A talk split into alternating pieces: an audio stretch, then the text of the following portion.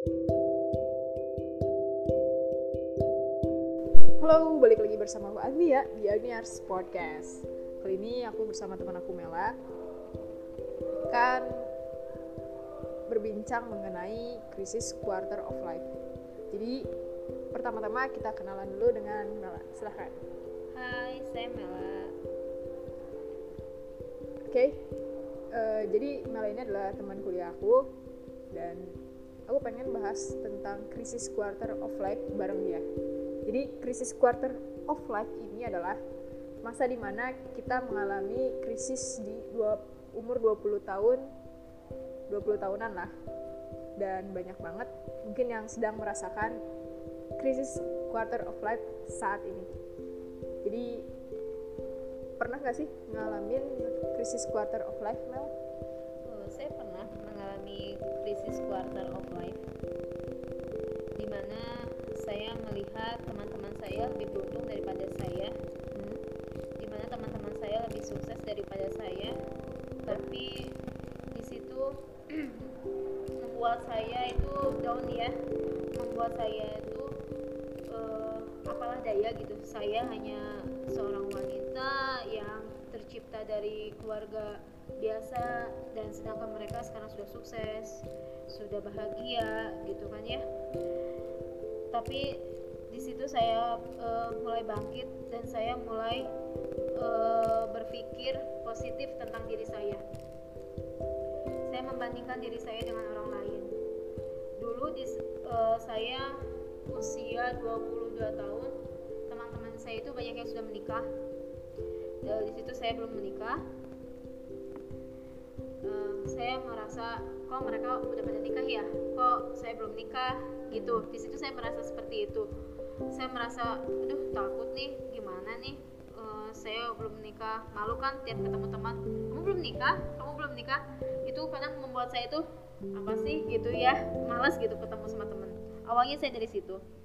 Di saat umur 24 24 tahun 25 tahun saya mendengar teman saya ada yang sudah menjadi janda. Dia eh, cerai dengan suaminya. Dan saya pun ada juga teman saya yang saya pun lihat prosesnya bahwa suaminya itu pergi dari rumah.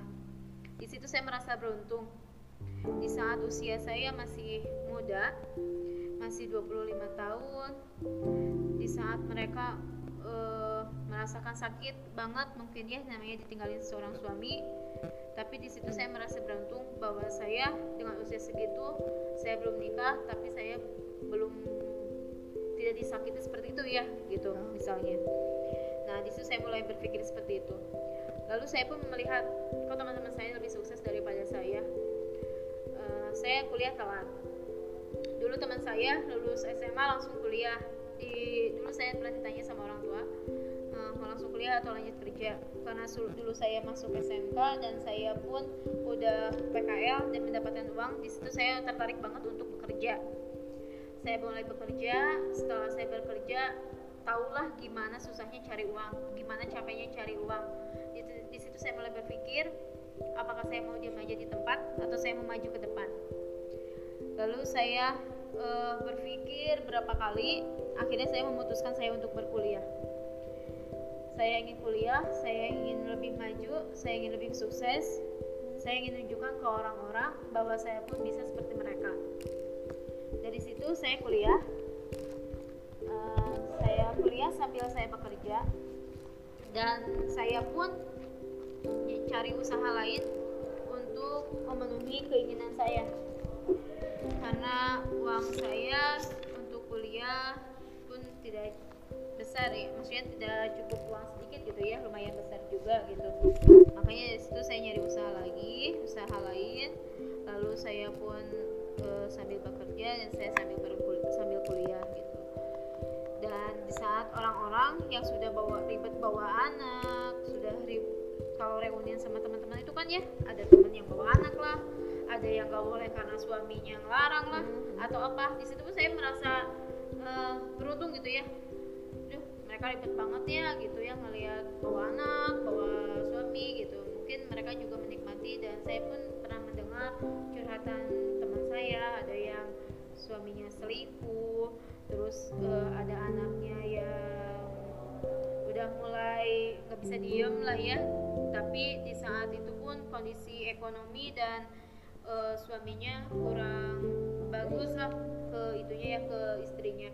Hmm. jadi udah mah anaknya terus gitu kan. Lalu si suaminya juga nggak memperlakukan seorang istri sebagai istri sesungguhnya gitu ya maksudnya. Terus dia di belakang istrinya bermain. Nah di situ saya pun merasa beruntung. Oh ternyata saya itu lebih untung ya daripada mereka. E, karena kedewasaan itu tidak tidak terlihat oleh umur ya. Kedewasaan itu tidak terlihat oleh umur kedewasaan itu tidak bisa diciptakan oleh orang lain. Kedewasaan itu diciptakan oleh diri kita sendiri.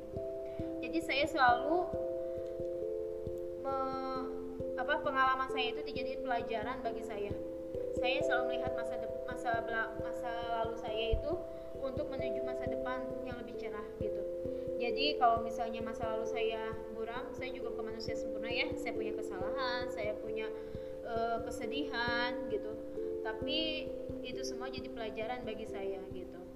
Dan di saat sekarang saya melihat mereka sudah ada yang mungkin lebih bahagia dari saya lebih uh, senang dari saya atau lebih sukses dari saya. Dan saya pun ngerasa bangga bahwa saya pun lebih sukses dari mereka. Saya pun lebih bahagia dari mereka seperti itu. Jadi semua itu ada dalam diri diri sendiri sebenarnya. Ternyata banyak banget gitu ya maksudnya ya yang selama ini kita selalu mikir ah aku belum punya ini belum punya itu. Hey ternyata masih banyak orang yang lebih jauh daripada kita gitu. Maksudnya di bawah kita. Dan kita harus lebih bersyukur lagi.